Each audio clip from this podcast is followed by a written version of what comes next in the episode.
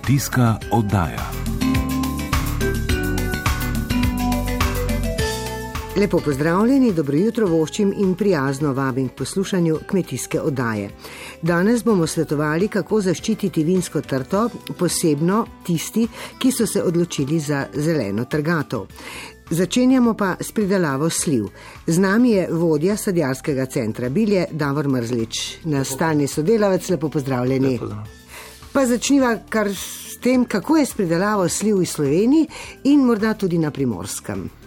Pridelava sliv v intenzivnih eh, nasadih, intenzivnih sadovnjakih narašča. Im- Imamo trend že približno 15 let rasti površin in pridelanih plodov. Eh, Govorimo o približno 50 hektarjih sliv in tam pridelek 550-600 ton v Sloveniji. Tako da tudi primorska je, ima s- kar tak občuten delež v tem, tudi pri nas je eh, pridelava sliv tradicionalna. Kako kaže letošnja letina, glede na vremenske razmere, ki smo jim bili priča? E, Ja, koščičarji in kaki so spomladi kar precej pozebli, torej na nižjih legah je tudi uh, sliva utrpela precej škode. Je pa zelo uh, različno od sorte do sorte. Nekatere sorte, ki so bolj trpežne, so tudi v polnem cvetenju prenesle ta mraz, taka sorta je Stanley, pa tudi Valor, Plumtastic, sorta Top 5 v redu, določene druge sorte pa so v celoti pozeble. Ali lahko pričakujemo, da bo vendarle sliv dovolj? Ma, Sliv uh, bo dovolj, verjetno, če ne jih bojo vozili, ne, zato ker uh, tako ali drugače mi samo skrbni nismo s slivami, ne, podobno kot z ostalim sadjem, mogoče z izjemo jabolk. Prav zato tudi te površine rastejo. Ne. Ljudje, uh, tako pridelovalec kot potrošnik, uh, vidita interes v pridelavi slive oziroma je sliva zanimiva. Ne. Ponudba povpraševanja kot povsod. Davor, kaj je potrebno vedeti, če se odločimo za pridelavo sliv? En osnovne zakonitosti obstajajo, torej zavedati se moramo, da je sliva koščičasta sadna vrsta. To pomeni, da potrebuje kar močno energično res, potrebuje uh, gnojenje, redno gnojenje in tudi mogoče včasih podarek na dušiku. Ne, uh, zdaj res lahko upravimo konec zime, pred brstenjem spomladi ali pa tudi poleti lahko večji del rezi opravimo, važno je, da režemo v suhem vremenu. Po uh, jeseni in pa po upravljanju rezi spomladi pa je potrebno nasad tretirati z bakrovimi pripravki proti listni lukničavosti in pa rožičavosti, eh, dve taki bolezni.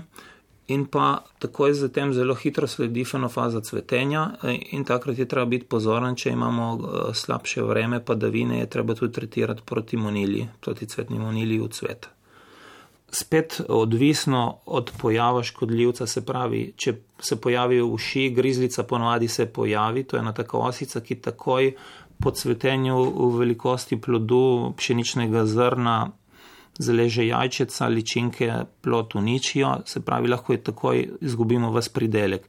Torej, takoj, ko se cvetenje zaključi, je potrebno tretirati proti eh, češpljevi grizlici, in pa proti listnim ušem po potrebi. Listne uši pa so tudi tisti vektor prenašalec, ki prenašajo šarko. E, To je virusna bolezen, ki najbolj ogroža pridelavo sliv. Zdaj v tem poletnem času je treba biti pozoren, spremljati prognozo oziroma napovedi eh, naše službe glede češpljevega zavijača, eh, metulj, ki v tem poletnem času, junija in pa julija, avgust, eh, tudi lahko začrvivi plodove. Ne? To je praktično to, kar se tiče varstva eh, tehnologije v grobem. Ne. Zdaj sliva pri nas je več ali manj na razpolago samo na mirabolani, na bojni podlagi. Lahko jo gojimo v različnih gojitvenih oblikah, ploščatih, predmetih in tako naprej. To je pač stvar posameznika, predelovalca, ne, je prilagodljiva sadna vrsta in pa mogoče še za meni tudi namakanje bi bilo potrebno. No tako kot pri ostalih sadnih vrstah, za re- reden obilen pridelek tudi namakanje ni narobe. No. Vemo, da so stalno prisotni sodobni trendi, eh, nove, nova raziskovanja. Te trendi se zdaj vse bolj nagibajo k tolerantnim sortam, tudi pri slivah. Tako je. Ja. Uh, za sajenje priporočamo izključno proti šarki eh, odporne ali pa tolerantne sorte. Uh, pritisk bolezni je prevelik, tako da drevesa, ki niso tolerantna, se prej kasneje okužijo in potem nimamo pridelka in nasad samo še životari in ni neke vrednosti od njega. Ne. Zdaj, kaj pomeni toleranca sorte? To pomeni, da na območju, kjer je pritisk tega virusa, te bolezni velik, normalno rodi. Imamo nek normalen pridelek, tudi če se pojavi kak simptom na listju, tako naprej je plod praktično eh, nepoškodovan in imamo kolikor toliko normalne uh, pridelke. Ne. Mogo, ja, mogoče še beseda o tem, no, uh, žlahni se predvsem v smer tolerantnih sort, ja, ampak tudi, da bi podaljšali sezono obiranja. Tako da so požlahnili nekaj zelo zgodnjih sort, že ki že v tem času zorijo, že prejšnji teden smo imeli prve zrele. Uh, in pa potem v jesen, vse do oktobra, do sredine oktobra. Tudi, tudi to je en tak trend. Ne. Katere sorte sliv pravzaprav priporočate za te eh, naše kraje? Jaz bom kar povzel priporočila iz sadnega izbora za leto 2018. Eh, na seznamu A najdemo sorti Čačanska lepotica in pa sorto Stanley.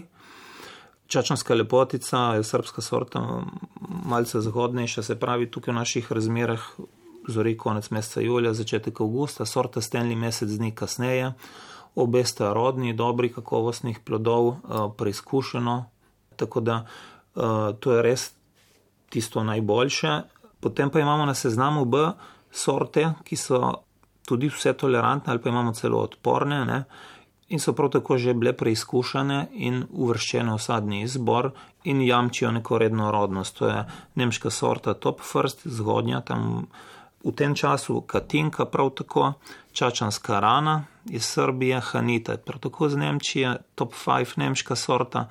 Potem imamo Čačansko najboljo, sorto Top Taste, eh, sorto Valor, ki je iz Kanade, Valjovka iz Srbije, Plum Tasty, ki je prav tako nemška in pa Jojo nemška. Ne, Jojo je tudi prva odporna sorta, prav na hipersenzibilna odporna se praktično ne more okužiti s šarko. Skratka, izbor je razmeroma širok. Ja. Vemo, da dve središči v Evropi se ukvarjata z žlahtnenjem sliv in eh, to sta eh, središči v Srbiji in v Nemčiji, kjer je tudi pridelava sliv eh, največja. V kakšno smer grejo? Oni iščejo zmeraj več odpornih sort, na šarko odpornih sort, naj, najmanj, ker je kriterij najnižji je tolerantnost. Ne? ampak iščejo tudi odporne, torej uh, sorta jojo in potem različni križanci z njo in tako naprej, pa so uh, dobili sorte jofela, joganta, tudi haroma je nastala. To so vse novejše sorte, večinoma bolj debeloplodne, nekatere tudi primerne za predelavo. V Nemčiji v nekaj središčih žlahnijo nove sorte, v Srbiji predvsem v Čačku. In tam eh, so v zadnjem času požlehnili še sorte Timočanka, Mildora, Krina in pa Petra Divna prihajajo zdaj, tudi to so kasneje, eh, da jim reč, v tistem jesenskem času, septembra, zoreče sorte, nekje usporedno z našo domačo češpljo, ki pa zmeraj bolj izginja oziroma kot občutljiva sorta eh, je manj primerna za sajenje, ne žal. Sadjarski center je založen s sadikami, bom rekla. Ja, tako, torej naš sosednji oddelek, drevesnica, ima kar precej sort tukaj naštetih na razpolago. Tam s 1. novembrom jeseni ponavadi odprejo malo prodajo in so takrat že kupcem, potrošniku na voljo sadike. Ja, kar pestra paleta, ja, vse ne, seveda, zato ker to, kar sem na zadnje perspektivne sorte našteval, ne, to je večinoma pod zaščito in potem tudi uh, lastniki licenc najraje sami tržijo in ne, pač je en tak krok sklenjen, kar sem pa naštel tako v seznamu A, seznamu B, pa se več ali manj dobija. Morda skleneva uh, s tem, uh, sadno drevje seveda sadimo pozno jeseni oziroma zgodaj spomladi, ampak pripraviti pa je potrebno razmišljati o tem, ali bomo in kaj bomo sadili. Ja, načrtovanje nasada mora biti skrbno, premišljeno, priprava zemlje pravočasna, najboljše v tako rekel suhem ali pa nepremokrem času. Ne. In kot sem povedal, tam krok konec oktobra, začetek novembra, načeloma lahko že sadimo, če je vse pripravljeno. Ne. In bomo imeli zelo dober rezultat v prvem letu. Dotlej počakamo, da bojo slive dobro rodile in da jih bo na tržišču dovolj in da bojo kakovostne. Davor Mrzlič, najlepša hvala za vse te informacije in za vse na svete. Hvala tudi vam.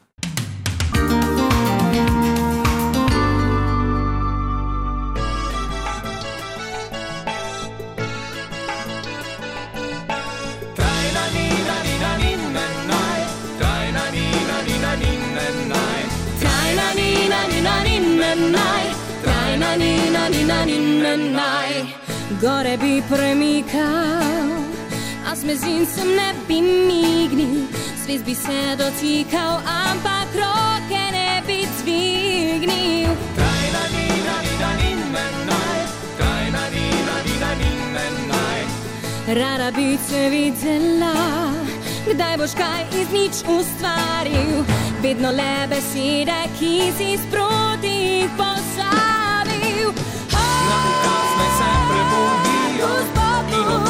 tebe vrtijo. Dobri duhi steklenice, škrati vile zlate ptice,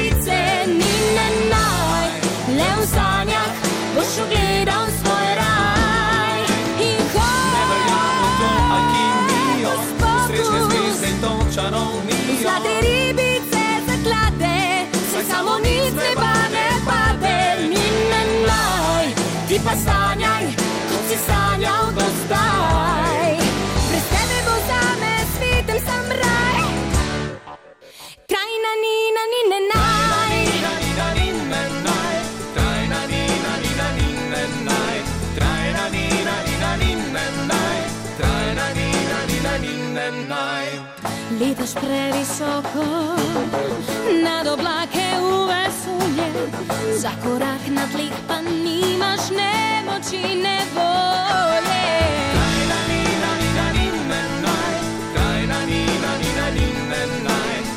Rada bi te videla, kdaj boš kaj iz nič ustvaril, vse kar si prijel doslej si vidno.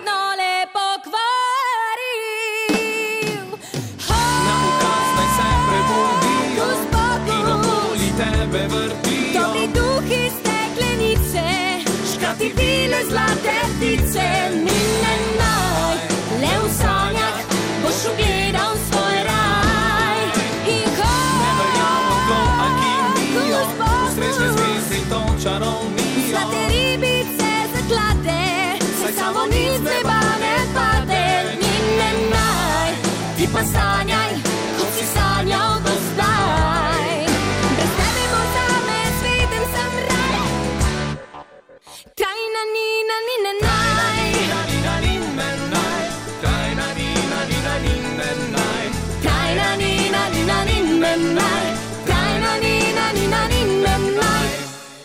Vinogradništvo je letos v svoje vrstni krizi, eh, namreč velike zaloge vina so zaradi epidemije COVID-19 in eh, eden od ukrepov je tudi zelena trgatov.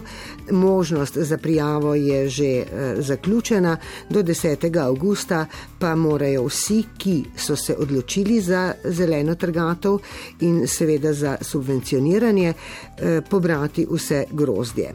Obstaja bojazen, da bi zaradi tega, ker bojo opravili eh, vinogradniki zeleno trgatov, potem nekako pozabili na varstvo trte, kar pa je seveda lahko zelo usodno in narobe. Z nami je specialist za varstvo rastlin pri Kmetijsko-gozdarskem eh, zavodu Nova Gorica, dr. Ivan Žežlina. Trto ne smemo pozabiti, ne glede na to, če se odločimo za zeleno trgatov. Zakaj? No, gotovo, sicer odvisno, kdaj bodo ljudje pač to grozdje eh, porezali na tla. Sicer do 10. avgusta je večina škropljen že opravljenih, ampak kljub vsemu je treba biti pozoren na določene bolezni, predvsem na piranosporo. E, treba je tudi predvsem poškropiti tiste vinogradi, ki so nekako mlajši, tam triletni, štiriletni, to so lahko že rodni vinogradi.